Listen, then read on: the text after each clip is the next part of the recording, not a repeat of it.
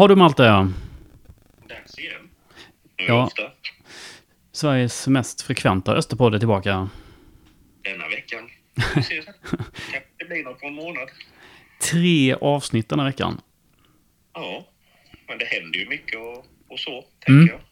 Alltså, Ja, ska vi börja där med de andra två avsnitten som vi släppte då tidigare i veckan om Dennis Velic, att de har fått lite uppmärksamhet i alla fall i form av att SMPs podd ehm, Alla röster pratar öster pratade en hel del om, om den intervjun också. ja, men det hoppades man väl nästan. Alltså att liksom fler lyfter detta och tycker det är intressant. Mm. Ja, men det var ju en intressant eh, intervju och det är ju en del grejer man kan haja till på. Men eh, vi har ju diskuterat det eh, sen tidigare. Men om ni inte har lyssnat på de två avsnitten så rekommenderar jag dem varmt. Det är några hundra extra som lyssnar än vad det var, brukar vara, va? Ja, just det. Vi har fått, ja, ja. ja, vi har fått ganska mycket lyssningar kan man ju säga. Eh, nu är det bra bit över 2000 på månaden då, så det är ju gött. Ja, verkligen. Mm. Så kan det gå när man eh, jobbar hårt som du och jag gör. Absolut. Mhm. Du, eh, anledningen till att vi har ett, eh, det här, ett tredje avsnitt den här veckan, det är ju eh, faktiskt att vi har match mot Dalkurd. Och där har vi ju en lite connection med Dalibor Savic då, som är tränare. Han har ju varit med i vår podd ett par gånger. Han var med i vår eh, julspecial bland annat. Och eh, då kunde jag inte motstå att ringa honom igen. För han, jag tycker, dels ett, han är väldigt trevlig. Eh, två, han, han är väldigt klok tycker jag. Han eh, resonerar på, om fotboll på ett sätt som, jag, som tilltalar mig. Um, så att eh, därför ringde jag och intervjuade honom helt enkelt. Men vi tar väl och lyssnar på Dalibor direkt tycker jag. Tycker jag. Ja, Dalle. Tjena Dali, Andreas. Hej Andreas. Tjena, hur är läget? Ja, men det är bara bra tack. Hur är det själv? Tack, det är bra med mig. Vi har ju ett möte med er strax, tänkte jag säga. På måndag. Ja, det är korrekt. Och då tänkte vi att vi skulle ringa och höra lite hur läget är i Dalkurd efter fyra omgångar. Mm, absolut, det går bra. En seger på fyra matcher. Vill du gå igenom matcherna lite? Jag har lite dålig koll och säkert våra lyssnare också hur, hur ni har haft det under säsongen. Ja, men absolut. Um, om vi börjar så här då. Prestationerna har ju varit riktigt bra måste jag säga. Um, vi är i paritet med de här så kallade topplagen som vi har mött här de fyra första omgångarna och nu möter vi ett Öster som borde också tillhöra toppen. Då. Men, men om vi tar det steg för steg då så hade vi en premiär borta mot Norrby. Eh, ett Norrby som missade kvalet upp till allsvenskan förra året på målskillnad eller någon poäng om jag minns rätt. Mm. Så det är en tuff, tuff bortamatch för oss att starta säsongen på. Men jag tycker att vi är väl det laget som skapar den, de hetaste målchanserna under själva spelet. Men vi vet också att Norrby är tunga på sina fasta situationer. Och de får en kantfrispark i 77 minuter som de når, som de når högst på och Savolainen nickar in den och då är matchen över. För det är också väldigt svårt att skapa ett tryck efter, eh, efter det 1-0 målet i och med att de backar hem med allt, allt de har och ställer sig på rätt sida av bollen. Men det var väl den premiären då. Sen har vi ju Trelleborg hemma då. Och där vi vet att Trelleborg är, är väl ett sånt lag som siktar på att gå upp till allsvenskan då. Så Mm. att för oss som nykomlingar i division 1 är det också en, en tuff och bra utmaning. Men eh, den matchen vinner vi med 2-0 och jag tycker att vi vinner den ganska, rätt, ganska rättvist. Um, första halvlek är vi mer bollförande och skapar målchanser genom eget spel och vi leder med 2-0 i halvtid. Och i andra halvlek så är det Trelleborg som driver spelet men vi försvarar oss eh, på bästa möjliga sätt och lyckas hålla nollan då. Mm. Eh, Så det var väl omgång ett och omgång två. Omgång tre så kommer Halmstad till oss som har vi lite grann klive, kniven mot strupen. Eh, Startat säsongen dåligt och vi känner att vi har en jäkla bra chans att kunna liksom slå dem på hemmaplan eftersom vi är ganska starka på vår hemmaplan. Eh, vi är väl det laget som driver matchen bäst. Vi har ett stolpskott i minut 17 som studsar stolpe ut istället för stolpe in och eh, har väl ett par eh, heta hörnor. Jag tror jag räknat till 11 eller 12 hörnor under matchen och Halmstad ger inte så många målchanser åt sina motståndare. Om man tittar på hur organiserade och hur disciplinerade de är, det vet väl nog hela fotbollssverige. Mm. Och i allsvenskan förra året så är det laget som släpper in näst minst mål mm. i allsvenskan. Och då förstår man ju att i superettan kommer de inte släppa till så många målchanser heller med tanke på att det är i stort sett samma lag de har. I alla fall samma backlinje och samma målvakt. Mm. Men vi har 10-11 eh, hörner. Eh, vi skakar fram två halvchanser på de hörnerna. Vi har stolpskottet i första halvlek. Vi känner att vi är eh, närmare närmare segern än vad Halmstad har och så får vi en offensiv hörna som vi slår. Eh, vi har lite dålig balans i laget. Halmstad får en kontring. Vi missar att rensa på halvplan och så kommer de i ja, ett fyra mot tre och skjuter stolpe in då. Mm. Eh, och då vinner Halmstad den matchen. Så att prestationen i de här tre matcherna har varit jäkligt bra men resultaten har ju såklart inte gått den vägen vi har önskat. Mm. Omgång fyra åker upp till Östersund. Eh, ett Östersund som vi, ja, med all respekt, kommer från allsvenskan, från en högre serie än vad vi kommer ifrån. Okej, de har haft det jäkligt rörigt här under vintern och för, eh, vårsäsongen och vi känner att vi har en god chans att vinna den matchen. Och tittar man på statistiken i efterhand så har vi 16 avslut mot mål och de har två. Vi har ett XG om det säger er mm. någonting på mm. 2,67 i den matchen och de har ett XG på 0,6. Mm. Uh, men de vinner med, med 1-0. Mm. Uh, och ska jag bara se hur målet gick till här om jag kommer ihåg det vid huvud. Uh, det är en hörna. De har en offensiv hörna som Fritzson nickar in. Ja. Mm. Så vi är ju det laget som har efter fyra omgångar släppt in minst mål. Mm. Uh, så vi har ett jäkla bra försvarsspel. Men vi är också det laget som har gjort minst mål, det vill säga två. Då. Mm. Uh, och summa summarum, prestationen har varit bra men uh, resultaten har väl inte gett de poängen som vi önskat eller skulle ha haft kanske. Just det. Um, vi har ju pratat tidigare du och jag om din fotbollsfilosofi och så här och med, med Vasalund och när du var där tidigare och det här med division 1 eh, norra när ni öste in mål där och eh, så, så nu när jag tittade då liksom på tabellen utan att ha sett era matcher då eh, så tänkte jag oj, har, då, har ni, ni har gjort väldigt få mål. Är det tre mål eller två mål ni har gjort? Två, två mål på ja, ja, just det. Två mål. Mm. Eh, och då tänkte jag, det, här, det här stämmer inte riktigt. Men nu när du förklarar lite här då så, så har ni haft lite stolpe ut också låter det som. Ja, men det är ju små marginaler och det är eh, stolpe ut och det naturligtvis är det också spelarnas skicklighet eh, och skarphet i de avgörande lägena och det tycker jag inte att vi har presterat på den nivån som vi önskar att våra offensiva spelare ska ha gjort. Mm. Eh, men det som är skillnaden i år jämfört med det laget jag tränade i Vasalund är att Eh, I Vasalund så läckte vi ganska mycket bakåt.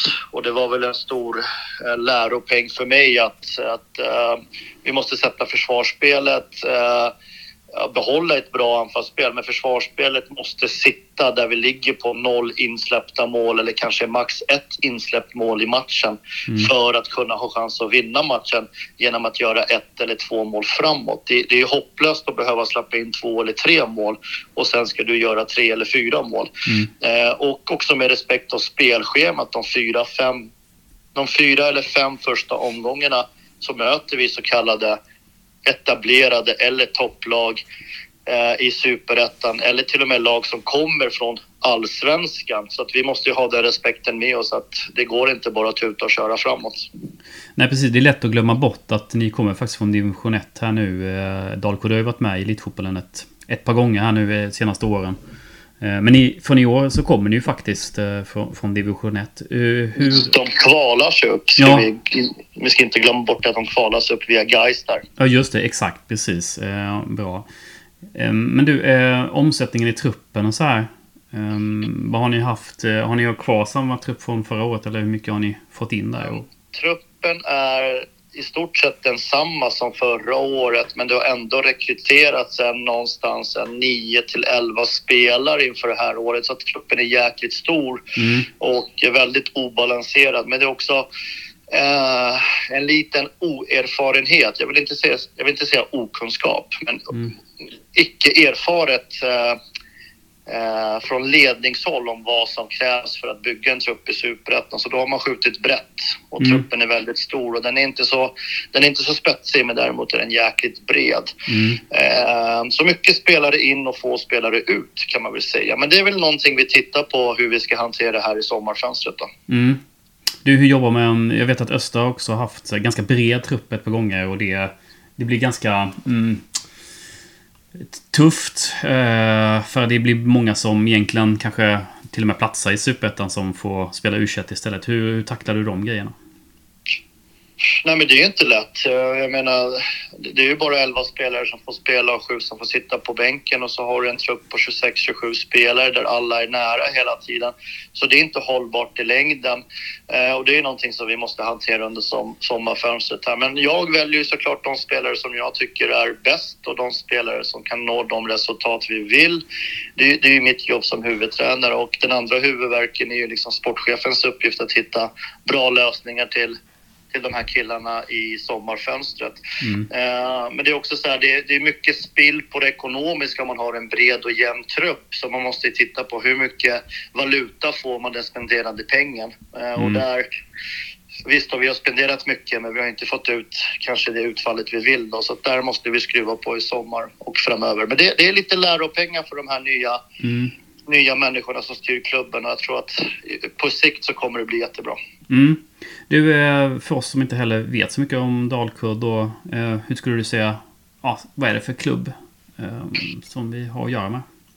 Ja, men eh, Dalkurd är ju en stor förening med tanke på att det är många kurder som identifierar sig med Dalkurd. Om man tittar på att de inte har ett eget land och eller ett eget landslag i fotboll så är Dalkurd högst i den hierarkin i fotbollsvärlden. Mm. Och de har väldigt många supportrar som är passionerade, engagerade och följer laget och stöttar laget i Sverige. Men då ska, man, då ska man inte glömma att det finns ännu fler kurder i både Irak, Iran, Turkiet, eh, USA, Tyskland som följer oss live varje match vi spelar. Så intresset är enormt för den här klubben. Mm. Ja, det, det är ju väldigt spännande. Eh, hur kommer det sig att du hoppade på detta projektet då? Jo, men jag känner att Dalkurd har ju varit på väg ner de senaste 3, 4, 5 åren. Det har varit väldigt rörligt, rörigt i klubben med stor omsättning. Men nu kände jag när, när frågan kom här i, i skarven, eh, nyårsafton, första januari där någonstans, att det var rätt människor in i klubben som hade en långsiktighet, som hade eh, ett strategiskt, eh, strategisk plan för hur vi ska etablera oss i superettan och därifrån ta nästa steg.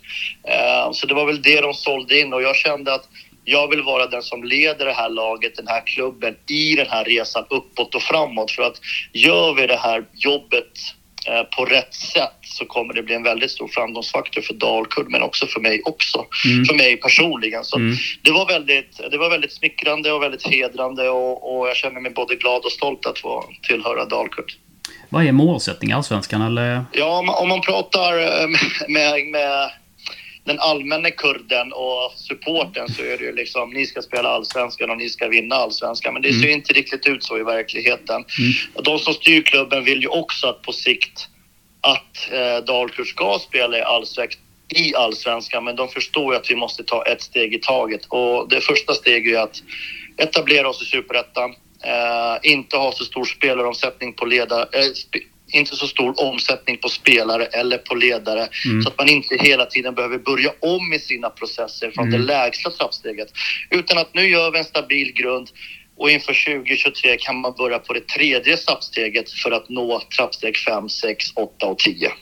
Mm. Ja, spännande. Du, eh, en fråga som kanske är en icke-fråga på ett sätt i eh, världens moderna fotboll. Men eh, jag ställer den därför att eh, det har varit mycket diskussioner eh, kring det i Östersammanhang. Att när Öster låg i Allsvenskan 2006 så hade vi väldigt mycket olika nationaliteter och, och det används ibland för att eh, hävda att man inte fick ihop gruppen då. När jag tittar på, på er trupp så är det just det. Det är ganska mycket nationellt. Det är kanadensare, det är holländare, det är schweizare. Det är svenskar. Eh, ja, det är, ja, du vet ju mer än mig då. Men hur jobbar man för att hålla ihop eh, gruppen utifrån olika språk och kulturer kanske? Ja, men till att börja med så är det ju människor allihopa och människor behöver ju omtanke. Så vårt ledarskap i ledarstaben är ju det humanistiska. Att mår man bra utanför fotbollen så mår man även bra när man spelar fotboll. Så allt det här umgänget på fritiden, att man umgås och man har lite grillkvällar eller man tar en fika ihop. Där, där tycker jag en klubb som Dalkurd är väldigt, väldigt skickliga på att ta hand om de här spelarna som kommer från olika länder så att de här spelarna inte känner sig ensamma.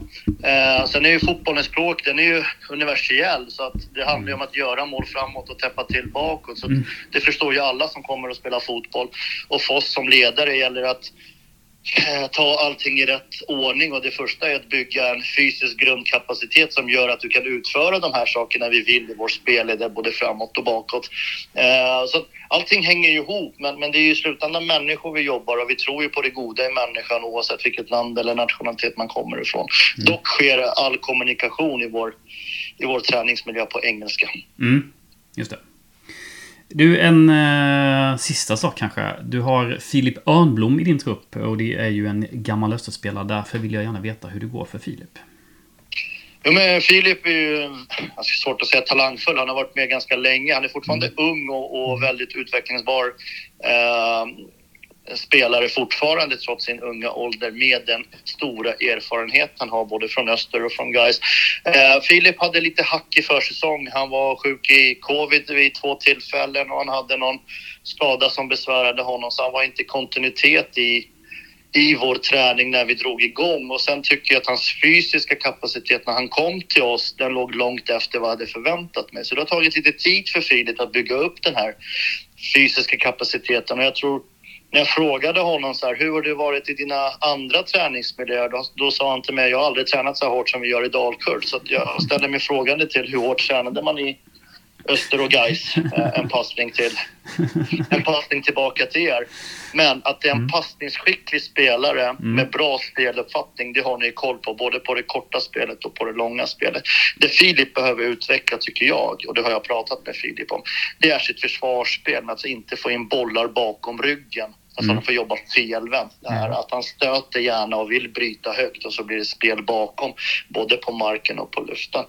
Eh, så det är hans utvecklingsmöjligheter där framöver. Sen är mm. konkurrensen jäkligt tufft. Vi har ju en litauisk mittback som är landslagsspelare för Litauen och så har vi vår lagkapten Umit Aras som är eh, en tuff duellspelare. Så att, i de här matcherna till en början har vi prioriterat och valt att vi ska vara jävligt stabila, tuffa och starka med våra mittbackar. Och det är våra mittfältare som ska vara playmakers och styra spelet. Filip är ju en playmaker fast han spelar i backlinjen. Men vi har inte prioriterat den spelartypen ännu. Vi får se hur det blir mot Öster och kommande omgångar. Mm. Spännande eh, att höra. Det här med träning, jag måste bara, i och med att du är utbildad professionell tränare, så vill jag eh, fråga om det. För det är någonting som varit uppe i olika diskussioner kan man säga, om hur mycket elitklubbar tränar i Sverige. Tycker du generellt, eh, nu har du ju varit runt lite då eh, i olika klubbar. Tycker du generellt att det är för lite träning, eller? Eh, jag kan inte, det är svårt för mig att uttala mig hur det är i alla klubbar, men de spelare som kommer under mina vingar ofta kommenterar att du kör lite hårdare än det jag är van vid. Mm. Att, uh, det första jag gjorde när jag kom till Dalkurd var att skruva upp en träningskultur med alltså antal träningstillfällen som de inte hade tidigare. Mm. Jag la in tre dubbelpass i veckan till skillnad kanske från ett som, eller två som de hade tidigare. Mm. Jag la in mer torra löp uh, under försäsongen. De flesta tränarna under en period började bara allting ska göras på fotbollsplanen med en fotboll. Men jag tycker också det finns en mental fördel att bara springa också. Intervaller mm. mm. i en skog eller ute på en skog, eh, skogsterräng. Bara för att bygga lite vinnarkultur och bygga lite en annan fysisk kapacitet också. Sen fotbollen, självklart ska den vara intensiv, eh, intensiva övningar med rätt kvalitet och rätt fokus. Och det är också någonting som jag har skruvat på. Så den här träningsmiljön som jag har implementerat i Dalkurd, det är alldeles nytt för de spelarna som var i division 1 tidigare, men också nytt för de här spelarna som kommer från andra miljöerna. Och det är väl någonting som jag vill stå för. Jag vill stå för en, en, en tuff och um, fysiskt utvecklande träningskultur. Mm. Det är alltid så intressant att prata med dig. Men eh, nu, har jag, nu lovar jag att det är sista, nu, nu lovar jag att det är sista frågan. Ja, det är eh, eh, måndag så möter ni Öster. Vad, vad har du koll på Öster så här långt nu då? I, i? Ja, jag kan säga så här. Det är ledig dag för killarna, så killarna är lediga från träning. Men vi i ledarstaben har träffats idag och vi har börjat analysera Östers matcher här. Mm. Och vi är mitt uppe i det arbetet och efter vi har tittat klart på de här matcherna ska vi få i oss lite mat och sen ska vi börja titta på vad har vi för träningsinnehåll mot Öster. Mm. Det man kan säga om Öster då snabbt utan att förtälja allt vad Mm. vi har sagt och allt vad vi har planerat är att, att Öster har fått en mycket bättre start i år eh, än förra årets säsong. Mm. Eh, känns mer framåtlutade. Eh, känns som att man har bättre balans i sitt anfallsspel än vad man hade kanske förra året vid samma tidpunkt. Eh, och sen gillar jag eh, jag gillar en av mittbackarna där som är väldigt, väldigt passningsskicklig. Mm. ja, då så. Ehm, då eh, tackar vi för den här gången och vi lär ju höras igen, Dali. Det gör vi. Tack för ditt samtal. Ja, ha det fint. Detsamma. Hej då. Hej då. Mm, det var Dalbo Savic. Några kommentarer? Ja, han är duktig på att prata. Mm. Alltså så. Jag är gillar hans sätt att resonera runt fotboll och så. Tänker jag. Eh, nej, men det man reagerar på är väl den här träningsmängden som man pratar om. Alltså, Mm. Det har ju väl alltid varit lite diskussioner till och från i, på islandforumet om spelarnas träningsförmåga eller vilja eller hur vältränade de är för att orka matcher. Eh, Så att, men det vet ju inte vi heller någonting om, så vi ska ju inte Nej, nej. det. Men eh, det är ändå intressant. Mm. Är träningsdos i elitfotboll i Sverige. Alltså det är ändå Mm. proffs, både i allsvenskan och superettan, tänker jag. Ja, men precis. Så då borde man rimligtvis träna ganska mycket. Och tänker man ju. Och det gör, det, det, vi återigen, vi vet ingenting om någon elitklubb egentligen. Men Da- Dalibor säger ju i alla fall att, eh, att han verkar, eh, eller att han får de åsikterna av spelare som kommer från andra klubbar att oj, här tränade vi visst mer. Och det får man ju tro på. Det skulle han Mm. inte ljuga. Nej, nej, nej. Det, det, eh, sen är det ju som man säger att ett tag var det att man skulle springa med boll, som man sa, alltid. Mm. Det var liksom det moderna då. Men eh, sen är ju Superettan en springarserie. Alltså Mm. det har vi ju innan att det gäller att ha lungor Mm. för att ta sig igenom den. Mm. Ja, men absolut. Men eh, nej, det blir spännande på måndag. Eh, Det känns som de har haft stolpe ut, så de får väl stolpe in. Det är jag rädd för nu. Mm. Mm. Ja, vi får väl se hur det går. Vi har ju tippat redan. Eh, vad var det vi tippade? Jag tippade 2-0 till Öster, du tippade 0-0 va? Ja, precis. Mm. Han var ju, ska vi kalla det för lite skeptisk mot truppsammansättningen kan man ju säga i alla fall. Han hade en ganska bred trupp att jobba med, vilket var ganska... Ja, 26 spelare är en del alltså, helt ärligt. Mm. Eh, ehm, Det är ju... Men det är ju som du säger att... Han får väl, eller de får väl lösa det i sommar, men det är ju inte så lätt. Alltså så, göra sig av med spelare. Nej. Pengarna försvinner ändå, tänker jag. Man vill ju ha sin lön. Mm. man inte Det var en spännande blandning av nationaliteter, som du sa. Mm. Ja, men eh, precis. Eh, det, men han hade också ett bra resonemang kring det. Alltså, om man tittar på den moderna fotbollen idag så är ju att man kommer från olika håll är ju egentligen inget problem. Eh, det är ju mer att vi i öster har, eller vi som håller på öster, eh, har blivit lite skadade av den retoriken som eh, 2006 och 2007 eh, präglades av att vi var från flera olika eh, nationer, eller vad man ska säga. Eh, och på det sättet att det, det skulle på något sätt hämma eh, laget. Men jag menar, fråga Manchester City om de tycker det är ett problem, jag vet inte. Nej, det, det handlar nog om vilka spelare man har in, så att säga. Snarare så, ja, det handlar om personligheter och så, och bygga grupper på det sättet. Om det blir, så blir det nog inga konstiga saker som det var 2006, 2007. Det var det ju. Det, får vi ju, det går ju inte att förneka. Nej, nej, nej, nej, men det, var, det handlade ju troligtvis ganska mycket om karaktärerna istället för nationerna, så att säga. Nå, nåväl, eh, intressant att lyssna på Dalibor. Hoppas eh, eh, att det går bra för honom, eh, men inte på måndag helt enkelt. Precis. Mm. Eh, en annan sak som jag, vi också, var- varför vi sänder den här podden, ehm, eh, det tredje för denna veckan, det är ju för att Eastfront hade årsmöte. Ehm, och där Eh, det här kommer på hemsidan senare i veckan, eller till och med idag kanske. Men det viktigaste som sades där kanske, eh, det, eh, det var den nya styrelsen kanske vi ska nämna. Det är väl intressant. Mm. Då valdes Elin Svensson som ordförande. Eh, och Emma Berggren som kassör. Jag, jag valdes in i styrelsen som marknad och kommunikation. Carl Jaktlund sitter kvar i styrelsen och jobbar med också information med resor och så. Och så Tobias Kroby går in som sekreterare.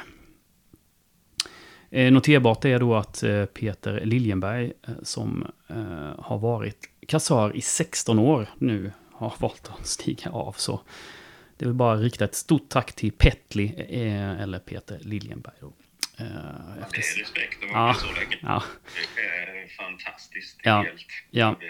Givetvis också eh, avgående ordförande Rasmus Nilsson, eh, som eh, jag kommer inte, nu kommer jag inte ihåg, han kommer inte själv ihåg hur många år han hade varit ordförande, men två, tre år är det väl, tre, fyra kanske till och med.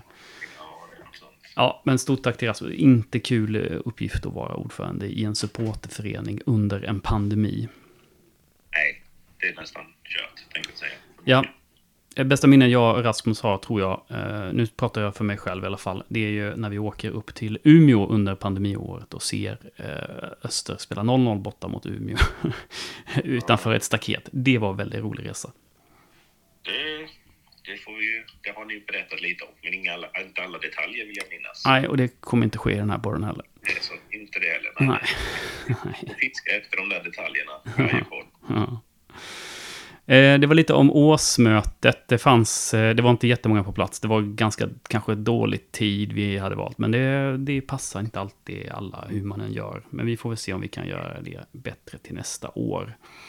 Ehm, övriga frågor under årsmötet så, så kom en fråga upp om eh, trumman i klacken, varför den inte används. Men det finns tydligen en trumma, men kanske att någon...